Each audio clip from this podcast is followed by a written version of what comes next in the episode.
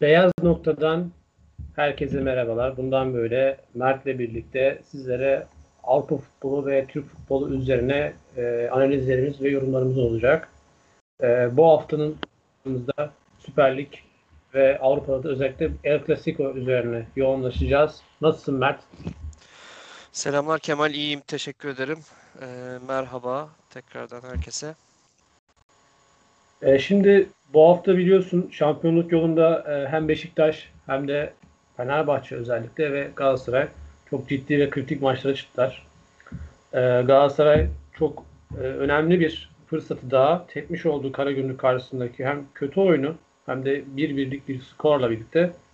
Sonrasında Erzurumspor karşısında çıkan Beşiktaş e, baktığında geçtiğimiz haftalarına nazaran çok da aman aman bir futbol olmadı. Çünkü biraz zemin de malum.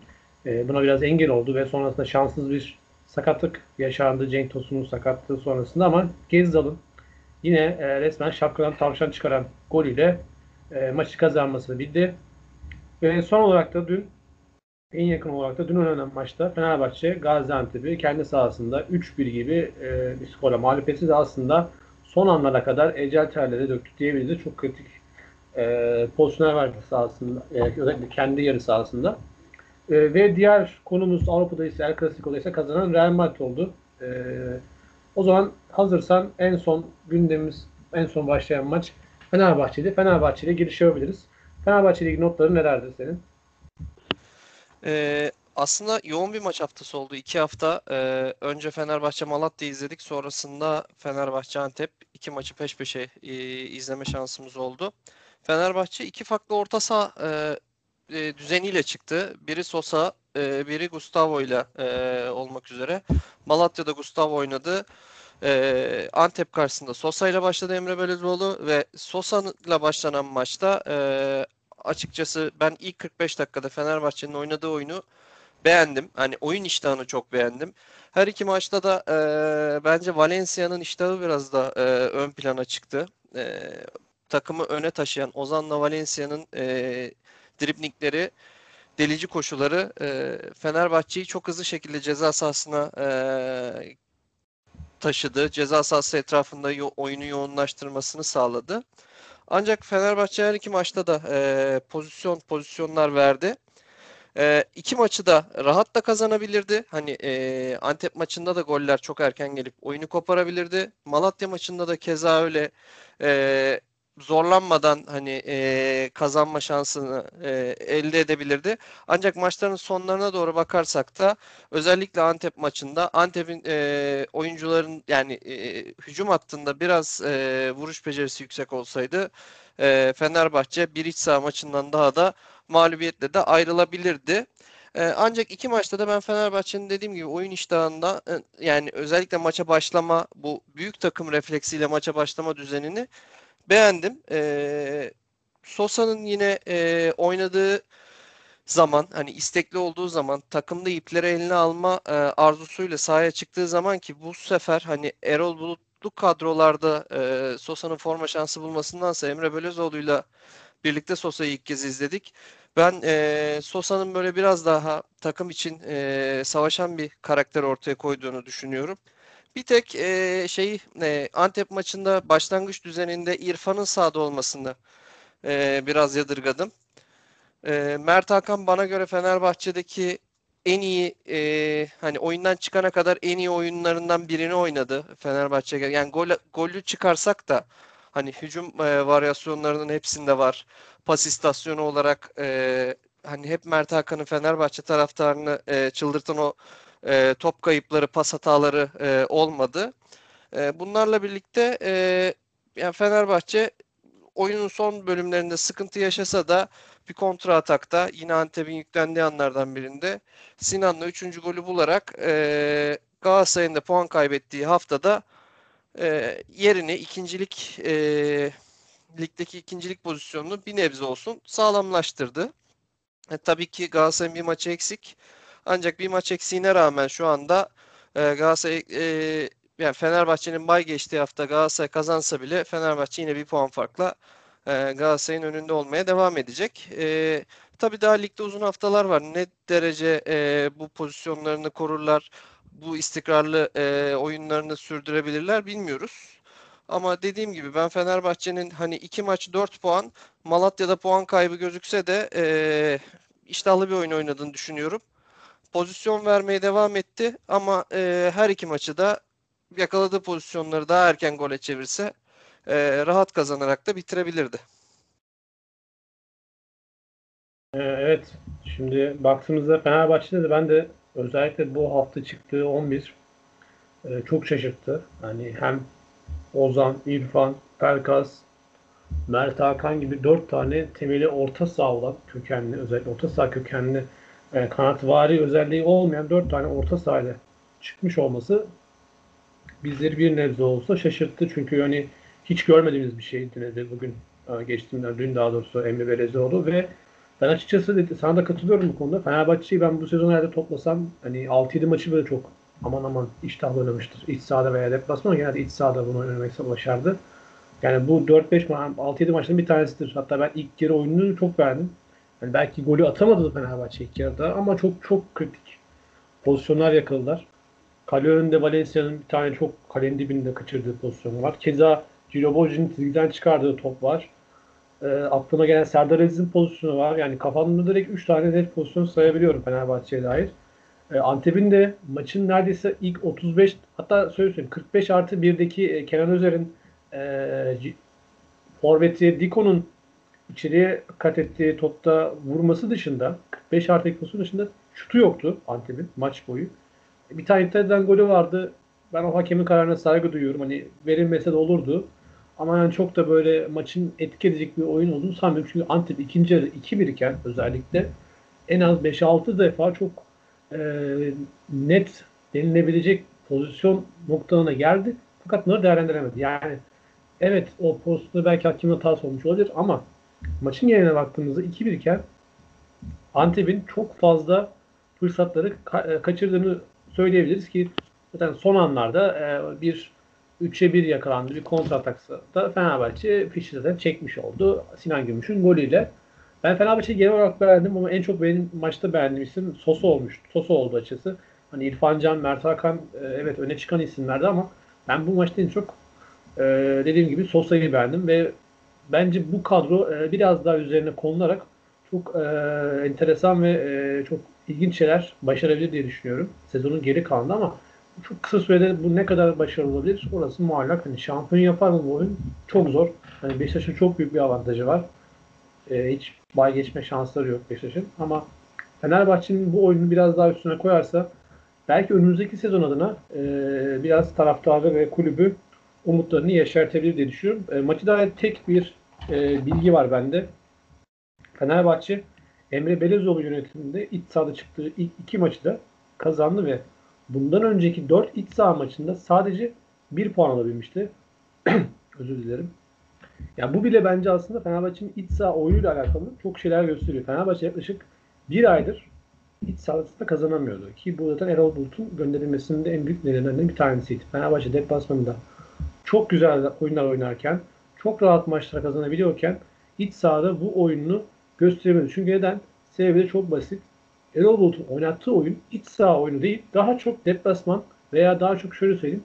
E, topa sahip olmayı istemeyen takımdan oynayabileceği Yani topu verip hızlı çıkma üzerine oyun, oyun. Ama Fenerbahçe'nin kadrosunda yer alan bazı oyuncular özellikle topu ayağını isteyen Perkas gibi, Mesut Özil gibi, İrfan Can gibi isimler hep ayağını isteyen oyuncular. Yani bu oyuncularla oturup hızlı kontratak şansınız evet var olabilir. Osay, Samuel, Valencia ama bisikletçi santraforunuz yoksa net bir şekilde ki bu Fenerbahçe pozisyonu hiç yok. E, bunu oynama şansınız çok zor.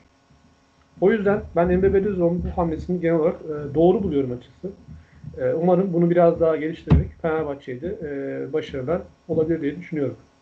Söyleyeceklerine bir şunu ilave edebilirim. Yani söylediklerine e, yani Fenerbahçe'de orta saha tandanslı oyuncular oynadığı için yani takıma baktığında zaten her oyuncu kendi takımında 10 numara pozisyonunu mutlaka bir veya birden fazla maçta görmüş. Hani Pelkas'ı, İrfan Can'ı, Mert Hakan'ı e, hatta Ozan'ı da sayabiliriz.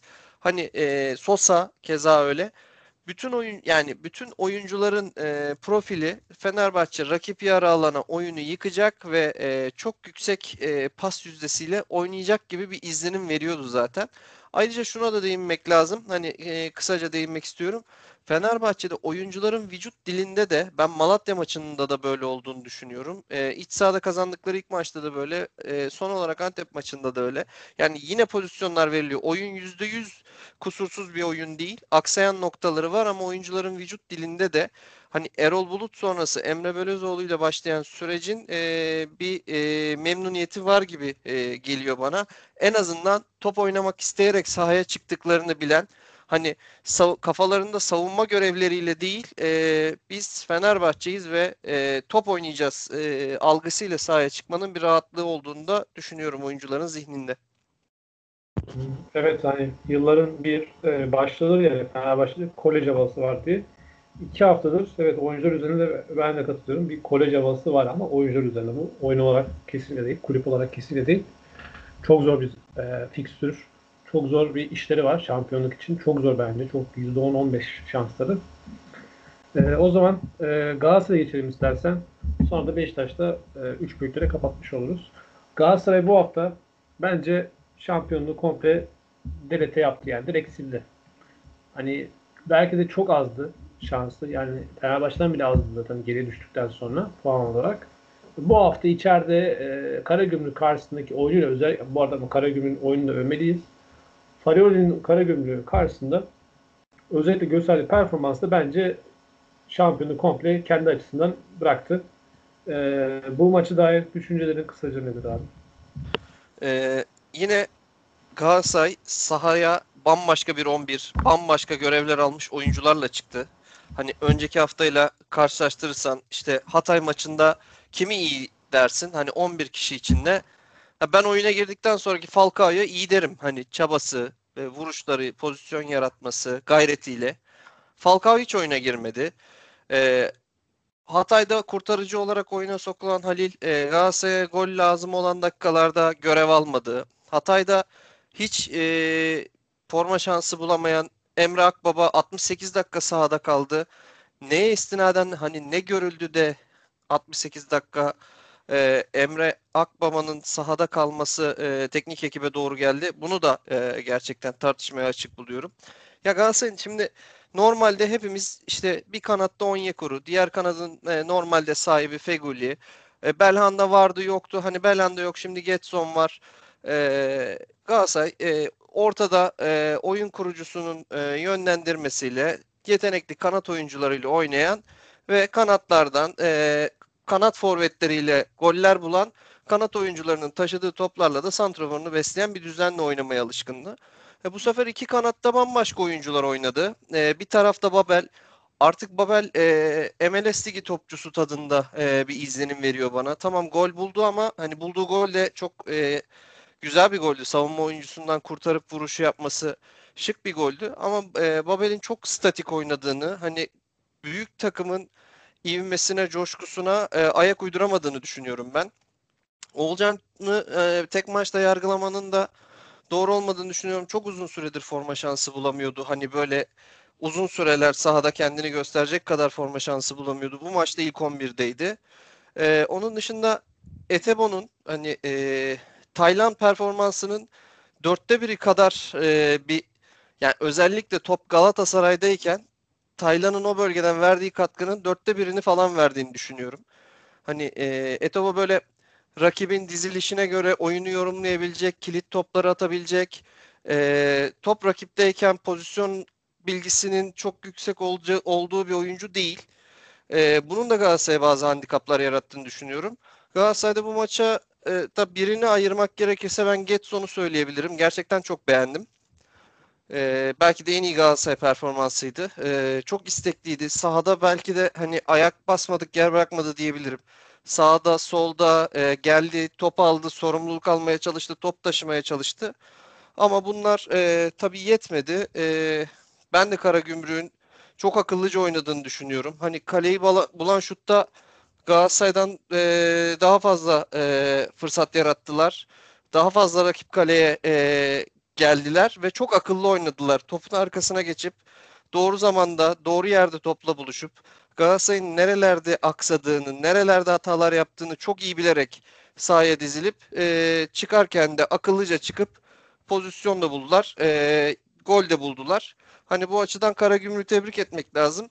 Hakem tartışmaları biraz maçın önüne geçti bu hafta ama yani e, tamam ben de hakemin bütün kararlarının doğru olduğunu düşünmüyorum. Özellikle Yedlin pozisyonunda VAR'ın neden çağırmadığını e, ben de çok merak ediyorum. Hani e, dışarıdan baktığımızda tekrarını izlediğimizde e, net şekilde en azından hani baş hakem çağrılıp e, bu pozisyon ona yorumlatılabilirdi diye düşünüyorum.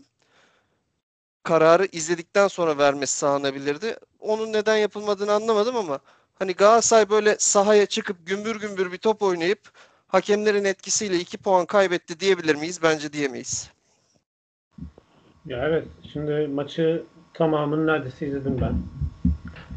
Ee, şunu söyleyebilirim. Şimdi Galatasaraylı maç sonrasında ben Twitter'da ve sosyal medyanın geneline baktığımda herkes işte hakemler bizi şöyle yapıyor. Galatasaray'ın üzerine bir oyunlar oynanıyor falan filan klasik cümleler e, kuruldu. Evet doğru. Galatasaray'ın aleyhine Galatasaray, Galatasaray karşı hakemler bu sezon ve geçtiğimiz sezon da dahil buna çok rahat bazı şeyleri gösteriyorlar. Kırmızı kartı, sarı kartı veya MHK çok rahat Galatasaray 3-5 maç, Fatih Hoca'ya 10 maç verebiliyor yani. Bunlar gayet karşı, normal karşılıyorum artık ben bunu. Fakat şu var. Galatasaray 2,5 sene top oynamıyor abi. Yani Galatasaray 2,5 sene oynadığı top sayısı bir sezon yani 34 maçın 34 34 68 68 neredeyse değil mi? Şu anda 34 hafta oynandı Türkiye'de. 68 haftada Galatasaray oynadığı maç sayısı 15 ise hakim falan bırakın abi. Önce antrenöre kızıyoruz yani. Burada Fatih Terim'in esas suçu var. Şimdi yönetime kızıyordu. Diyordu ki işte bana oyuncu alın, bana oyuncu alınmıyor. İşte ben İrfan Can'ı istiyorum, işte ben Muhammed'i istiyorum, Vişçe'yi istiyorum. Abi sahabe kaldı yönetim. Tamam bakın yönetimi savunmak için söylemiyorum. Bu yönetim bu, bu adamların hepsini aldı mı? Aldı abi. Ama sen gidip bunlara rağmen şu anda ortada bu takım bu sene de muhtemelen 3. veya 4. bitirecek. İkinci bitirme şansı sıfır yani. Hiçbir şekilde yok. Fenerbahçe'nin oyunu e, Galatasaray şu an bir tık daha iyi. Ve Çünkü içeride Galatasaray... Beşiktaş Trabzon oynamamış bir Galatasaray'dan bahsediyoruz. Evet. Ee, bir de şu da var. Hani Galatasaray'ın futbolcular öncelikle mesela Yetli'nin pozisyonu olduğunda normal bir Galatasaray takımı iç sahada özellikle bak deplasmanı geçtim. İç sahada taraftar dahi olmasa oraya 5 tane futbolcunun gitmesi lazım. Bakın dün Fenerbahçe Antep'le maç yapıyordu. Bir pozisyon oluyor Antep futbolcuları. Ozan, Mert Hakan, İrfan hepsi hakeme saldırıyor abi bak. Ben bunu savunduğumdan değilim. Türkiye'de maalesef bu işler böyle. Avrupa'da hakemin kararını kimse itiraz etmez abi. Ama Türkiye'de hakemleri baskı altına alamazsan özellikle maçlarda futbolcu olarak veya teknik direktör olarak veya kulüp olarak, yönetim olarak neyse hakemlerin kafasını karıştırmaya çalışmazsan bu oyunu kazanamazsın. Bu Türkiye'de satrancın genel e, işleyişi bu şekilde. Ve bunu bu sezon Beşiktaş'ta Sergen için çok güzel yaptı. Fatih Terim tarzında değil, daha sakin ve akıllıca hareket ederek. Fatih Terim ise sürekli olarak ve özellikle futbolculara Galatasaray, Belhanda'nın gitmesinden sonra özellikle bilmiyorum dikkatini çektim ama futbolcularda hem yönetimsel olarak hem de teknik yani Fatih Terim'e belki değil ama özel olarak yönetimi ben e, bir tavır aldıklarını düşünüyorum. Bu oyunun düşüşünün de tamamıyla Belhanda kararının etkisi olduğunu düşünüyorum. E, tabii ki de Galatasaray sezon başından beri çok iyi top oynamadı. Ama şu var. Galatasaray'ın futbolcuların hiçbir şekilde bir reaksiyon gösterme gibi ihtiyaçları da yok sahada. Yani Emre, ben isimleri konuşmuyorum. Evet Getson Fernandez dışında bu maçta Galatasaray'ın konuştuk hiçbir şey yok. Hiçbir şey yok. Bakın Muhammed geldiği 3-4 haftada herkes ağzından düşürmüyordu. Şarkılar, besteler yazıldı adamla ilgili. Değil mi? Muhammed geçen hafta surata sıktı abi. Adamın oynamak istemiyordu canı resmen ya. Canı sıkılmış yani. Bir şeyler olmuş belli ki kulüpte, içeride. Yani bu hafta Muhammed yine bir şeyler için çabaladı çocuk ama olmadı yani. Senin iptal edilen golün iptal. Adam eline çarpıyor. Ya başka seninle çarp saymışlar. Abi beni ilgilendirmiyor. Sen oyununa bak. Galatasaray kaç tane topu Başakşehir'e karşı Galatasaray 3 tane topu kaleye soktu. Bir tanesini saymak zorunda kaldı mı bu adamlar? Saydılar. Sen o topu 3 defa sokarsan bir tanesini her türlü içeriz. Yani sayacaklar o gol yani. Gibi bir şansı olmaz. Çünkü bir tanesi evet girecek yani top kaleye. Sen ama denemiyorsun. Sen çaba sarf etmiyorsun. Sen reaksiyon göstermiyorsun. Sonra diyorsun ki hakemler falan. Ya bırakın hakemleri. Öncelikle top oynayalım. Öncelikle topu konuşalım. Hakemleri falan en son konuşacağımız insan. Bizim ülkede öncelikle bir futbol oynayalım. Sonra hakemleri konuşuruz. Sorun orada bence. O yüzden de bence bu tamamıyla hocaya yazar abi. Hoca da belli ki Florya'yı falan artık salmış. Vallahi bak açık konuşayım. Salmış yani. Futbolcu da salmış. Baktım zaten antrenör de bizi salmış. Yani, de salmış kendini. Biz neye yoralım kendimizi? Bir de bugün üstüne e, Mustafa Cengiz'in açıklamalarında çıkıp futbolculara yani canlı yayında özellikle söylenmemesi gereken bakın biz kendi aramızda bunu konuşabiliriz ama bir kulüp başkanının canlı yayında futbolculara kulübün resmi gibi, kanalından evet, haysiyetsiz ve yakıştırması yani yapmaya çalıştı. Sizin yani. adam gibi top oynamanız lazım falan demeye hakkınız yok arkadaşım. Adamlar dese ki yarın ben itmana da çıkmıyorum, maçı da çıkmıyorum. Ne diyeceksin? Yıl 1960 değil arkadaşım. Profesyonel bir dünya var artık. Öyle dedikodular da oldu zaten bugün. Ki bugün ee... itmana çıkmama gibi durumlar olmuş. Hoca, hoca engel olmuş buna. Yani şimdi sen ne yapabilirsin? Ya böyle bir durumda, böyle bir amatörce bir yönetimin olduğu durumda Galatasaray'da başarılı olmasa da imkansız. Ha ama esas burada sorumlu bence Fatih Terim'dir. Tabii ki Mustafa Cengiz'in elbet %30, %40 payı var. Ama bu sezon net bir şekilde Fatih Terim'in var abi. Çünkü ana sorun aslında sensin. Sen 8 maç üst üste kazanırken sadece kendini futbola vermiştin hocam. Ama sen kendini futboldan bıraktın. Belli ki yönetimimizden gidecek bunlar. Ben hiç kendimi yormayayım. Bu sene şampiyon olmasın Galatasaray'ın yolunda ki oluyor yani. Başka çaresi yok. Ya çıkıp Rize başka o da Rize'deki spor direktörü sen niye cevap veriyorsun ya? Kaç yaşında adamsın ya? Hani 45 yaşındaki teknik direktör değilsin ki artık. Konuşma abi dönme oraya yani. Sen o sahaya bak. Git orada hakeme şikayet et. Bana burada adam bunları duyuyor. Hiç duymuyor musun diye yani. Ya bunlar yapılmaması gereken. Bunlar hakikaten çok e, antrenöre girişteki başlangıçta yapılacak hareketler yani. Hoca ya Galatasaray yani. şu gösterdiği mesela Fatih Hoca'nın e, Rize maçında tribüne gösterdiği tepkiyi ya da e, hani genel olarak başkanın e, her hafta ben her hafta gündüz açıyorum bir gün herhangi bir saatinde Twitter'da ya da resmi hesaplarda Instagram'da görüyorum ki bugün Galatasaray Başkanı şu saatte e, Galatasaray TV'de bir program yapacak. Artık inandırıcılığını ve ikna ediciliğini de yitirdiğini düşünüyorum Sayın Başkan'ın. Hani e, bugün söylediği sözler de bilmiyorum hani ben oyuncu olsaydım çok yıpratırdı beni. Hani bu forma için e, aidiyet duygusunu çok sarsan şeyler. Belhanda da öyle oldu. Belhanda'yı ben Belhanda'nın gidişini geçen seneki pandemi sürecine benzetiyorum. Pandemi süreciyle birlikte Beşiktaş maçıyla birlikte maçlara ara verildi ve sonrasında Galatasaray bir daha hiç eskisi gibi olmadı. Belhanda'nın gidişinden sonra da bu sezon e, aynı şeyi söyleyebiliriz. E, bir de şunu ilave etmek istiyorum. Ya geçen hafta mesela e, maçın hemen e, başlarında Şener'e vurulan böyle out çizgisinin üzerinde bir pozisyon var. Kırmızıdır değildir bunu tartışmayacağım. Ama ya müdahalenin yapıldığı oyuncu Şener dahil olmak üzere kimsenin umurunda dahi olmadı Galatasaray'da. Yani ben maç anında kimse konsantre olup da dikkat de edemedi hatta. Maçtan sonra çok e, tartışıldı kırmızı kart olması. E, bu hafta Yedlin'in pozisyonu. Yani Galatasaray Yedlin yerde yatıyor, ayağı kırılmış. Galatasaraylı oyuncular hadi topu oyuna sokalım da başlayalım tadında. Yani o kadar kendilerini andan ve e, durumdan soyutlamışlar ki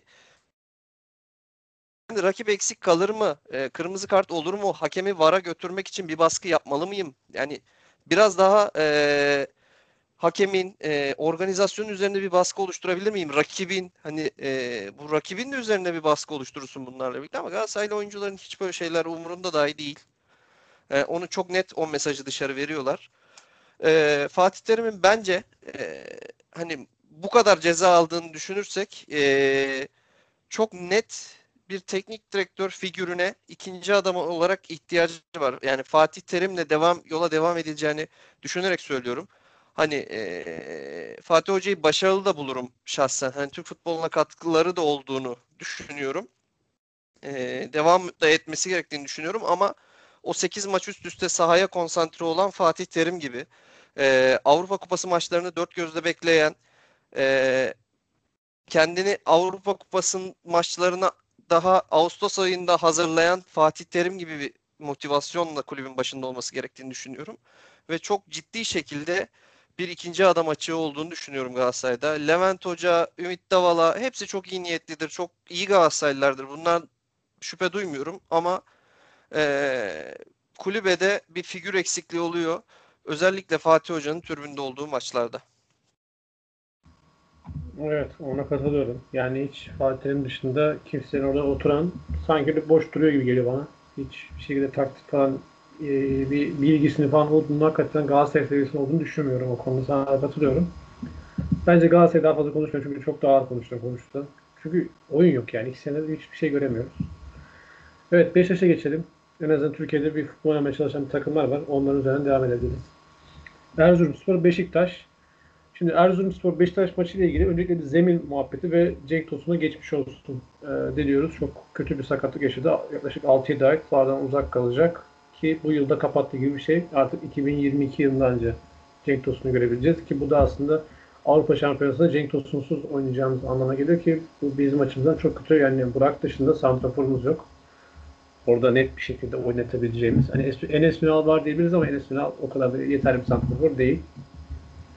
Erzurumspor'un zeminle alakalı ben 2-3 tane e, demeç not etmiştim. Önce onları okuyayım. Sonrasında sana soracağım. Sonra da Gezzal ve Beşiktaş'ın genel oyununu sana yorumlatırım. E, şimdi Emre Koca da maçtan sonra dedi ki sadece Erzurum'da değil Anadolu'nun bazı yerlerinde İstanbul'a dair biz kötü zeminlerde oynamak durumunda kalıyoruz. Ee, inşallah önümüzdeki sezon federasyon veya yetkililer bu konuda cezai maddeler getirip zeminlerin iyileşmesini sağlarlar. O ardından da e, Oğuzhan yine maç sonunda dedi ki tamam Erzurum soğuk ama dünyada bir tek Erzurum soğuk değil. Biz Avrupa'da da oynuyoruz. Orada da kar yağıyor ama orada zeminler gayet düzgün. Biz bugün burada bildiğiniz taşta oynadık. Çakılda oynadık.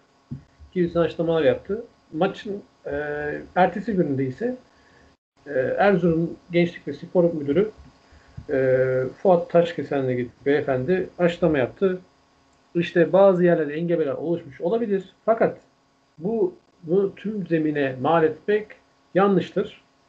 Ee, kaldı ki Cenk'in e, düştüğü yer aslında gayet dümdüz, düzgün bir yer. İşte e, mükemmel bir zemin, yemyeşil, sünger gibi zemin gibisinden açıklamalar yaptı. Yani aslında dedi ki Cenk zeminle falan sakatlanmadı, kendi kendine sakatlandı. Ya da işte pozisyon gereği sakatlandı gibisinden ama işte buradaki son açıklama yapan Gençlik Spor Müdürü'ne sormak lazım. Maçı acaba hangi kamerayla izlemiş? Çünkü biz televizyonu izlerken sahanın belli bir tarafının sapsarı, bir tarafların girintili çıkıntılı, topun hiçbir doğru, şey, doğru düzgün bir şekilde ilerlemediğini gördük. Yani çok bariz bir şekilde. Bununla ilgili düşüncelerin neler? Öncelikle zemin konusu, ardından da Beşiktaş yorumlarını seni merak ediyorum. E, şu zeminle ilgili yani yapılan e, özellikle Gençlik Spor Müdürü'nün açıklamasını çok talihsiz buluyorum. Hani bu spor severlerin sahaya bakınca e, göremediğini televizyondan gerçekleri anlayamadığını falan mı zannediyorlar bilmiyorum. Biz e, Atatürk Olimpiyat Stadında oynanan maçları da izliyoruz. Galatasaray sahasında oynanan maçları da izliyoruz. Sivas'ı da izliyoruz. Konya'yı da izliyoruz. Erzurum'u da izliyoruz ve aradaki farkları oynanan oyundan yani topun hareketlerinden bile hatta oyuncuların değil topun hareketlerinden bile çok net anlıyoruz. Bu ülkede ben şunu anlayamıyorum. Neden hala Sivas, Erzurum gibi deplasmanlarda hatta Kayseri'yi de buna dahil edebilirim. Ya bu maçları akşam oynatma arzusu neden? Ya zaten e, iklim olarak zor şartlar, e, soğuk iklimler, soğuk e, Araya şehirler. Gireyim. Araya gireyim kusura bakma. Şimdi o akşam oynatmasının sebebi tamamıyla yayıncı kuruluşla ilgili alakalı olarak federasyonun güçsüzlüğü abi. Çünkü yayıncı kuruluş diyor ki ben akşam oynatmak istiyorum çünkü prime saat ben o zaman daha fazla para kazanıyorum. Ama bu aynı yayıncı kuruluş başka ligleri gayet de uygun ve gündüz saatlerinde oynatabiliyor. Mesela İtalya Serie A'yı falan oynatıyor. Veya Fransa Ligi'nde bilim maçını 6'ya 5'e koyabiliyor. Tabii Paris Saint Germain gündüz oynuyor. 4'te oynuyor maçını. Aynen işte. Bu yalan dolan. Bu tamamen federasyonun güçsüzlüğünü gösteriyor. Güçlü olsa bunları yaptıramaz. Ya ve hani şey değil 50 tane maçtan bahsetmiyoruz ya da sezonun yarısını bahsetmiyoruz yani. 3 tane şehir, 3 tane takımın sadece iç saha maçlarından bahsediyoruz. Ki bunların hepsi kışa da denk gelmiyor kaldık. Hani bütün kışı adam iç sahada oynayarak da geçirmiyor. Ya sadece belli şehirler için bu düzenleme çok rahat yapılabilir.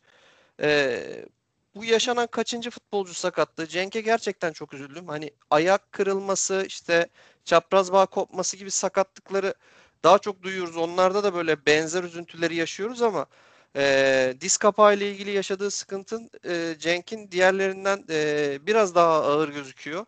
Umuyorum sağlıklı bir şekilde dönebilir. Hem milli takım adına büyük bir kayıp hem e, Cenk gibi bir sporcuyu hani e, futbol dünyasında bir süre izleyemeyecek olmak hepimiz adına e, üzüntü verici. Onun için kendisine buradan e, ben de acil şifalar diliyorum. E, zemin konusuna gelince yani Almanya'nın kuzeyinde de bu ligler oynanıyor. Rusya'da halı gibi zeminlerde, kar yağışı altında halı gibi zeminlerde Şampiyonlar Ligi maçları da oynanıyor.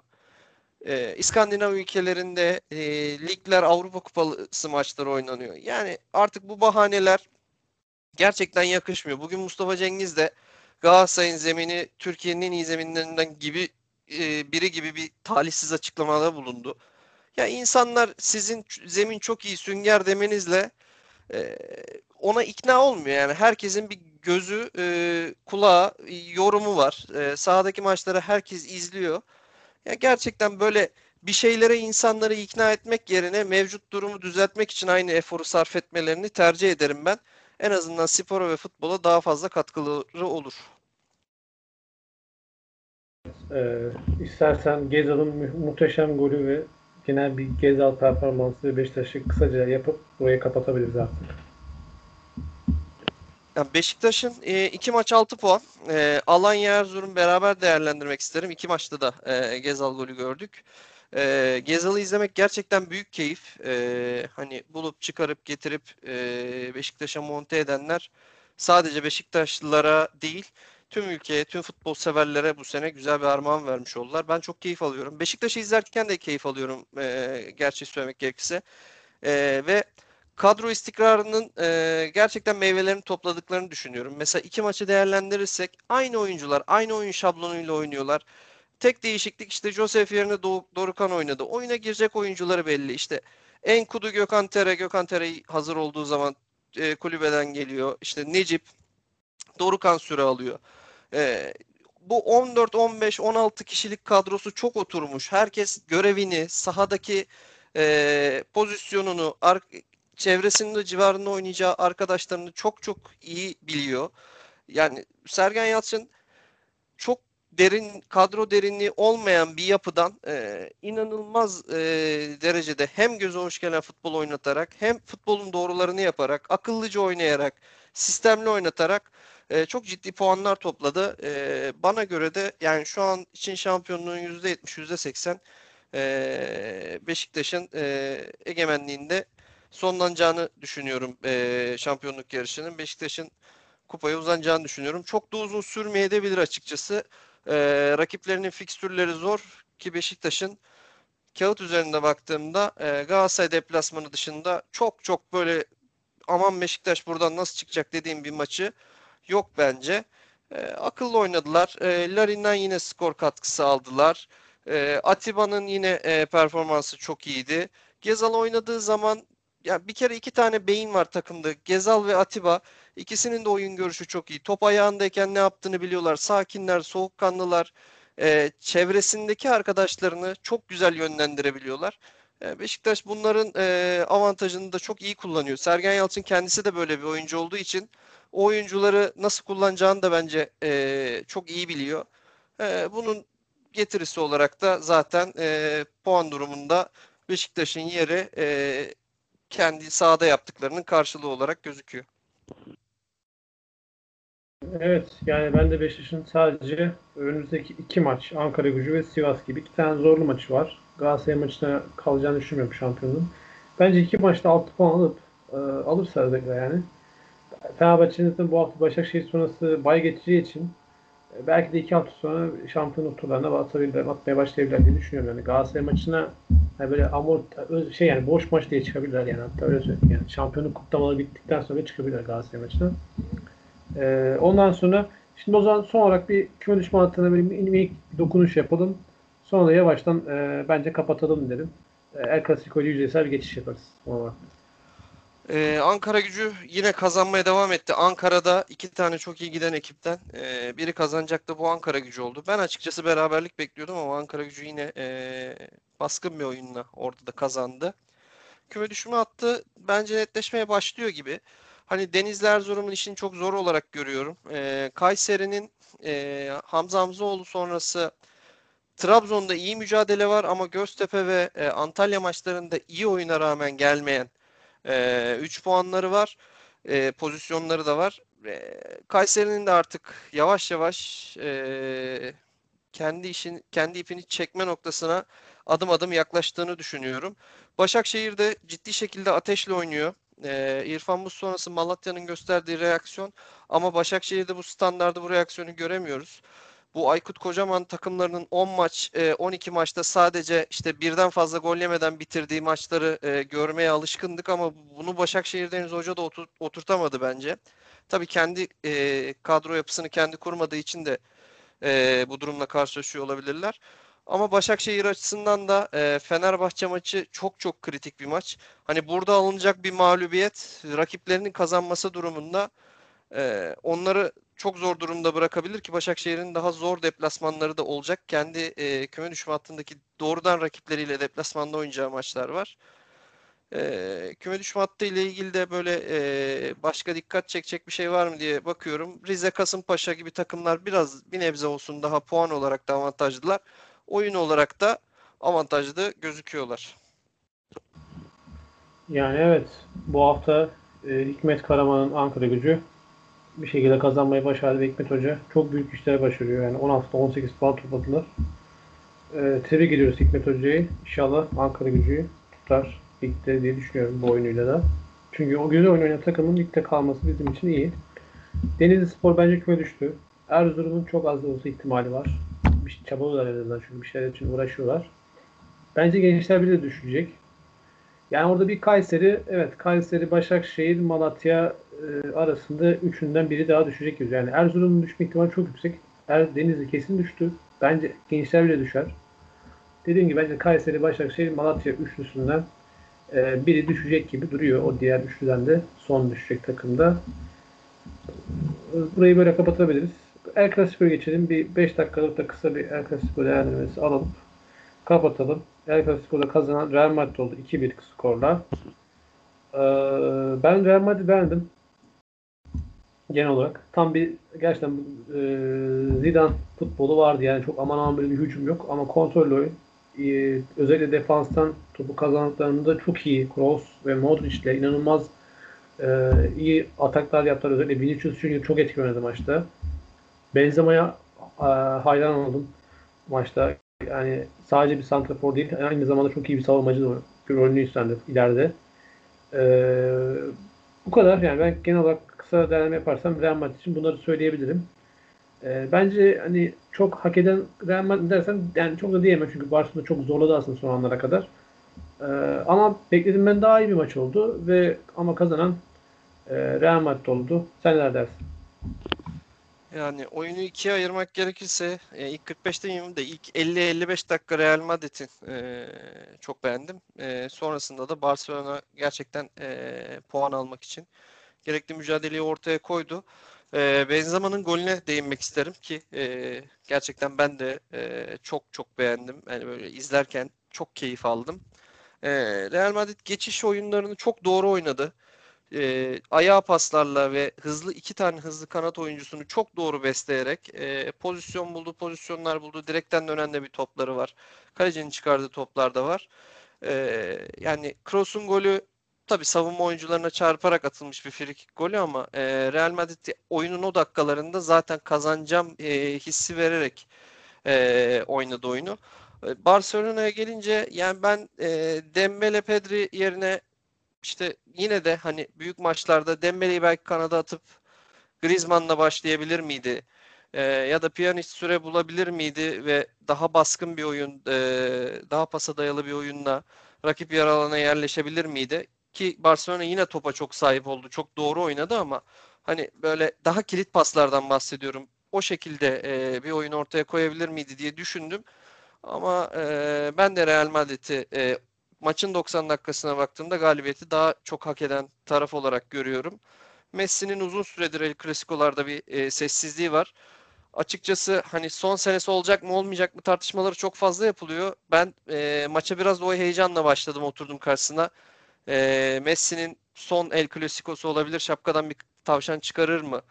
E, diye e, baktım ama e, bence kendi yeterli gayreti gösterdi. Çevresindeki arkadaşlarından o Suarez'ler, Neymar'lar arkadan e, kendisini besleyen kilit oyunculardan gördüğü desteği göremediği için de e, bir yere kadar e, tek başına çabalayabiliyor. E, o da tabelaya yansımadı zaten.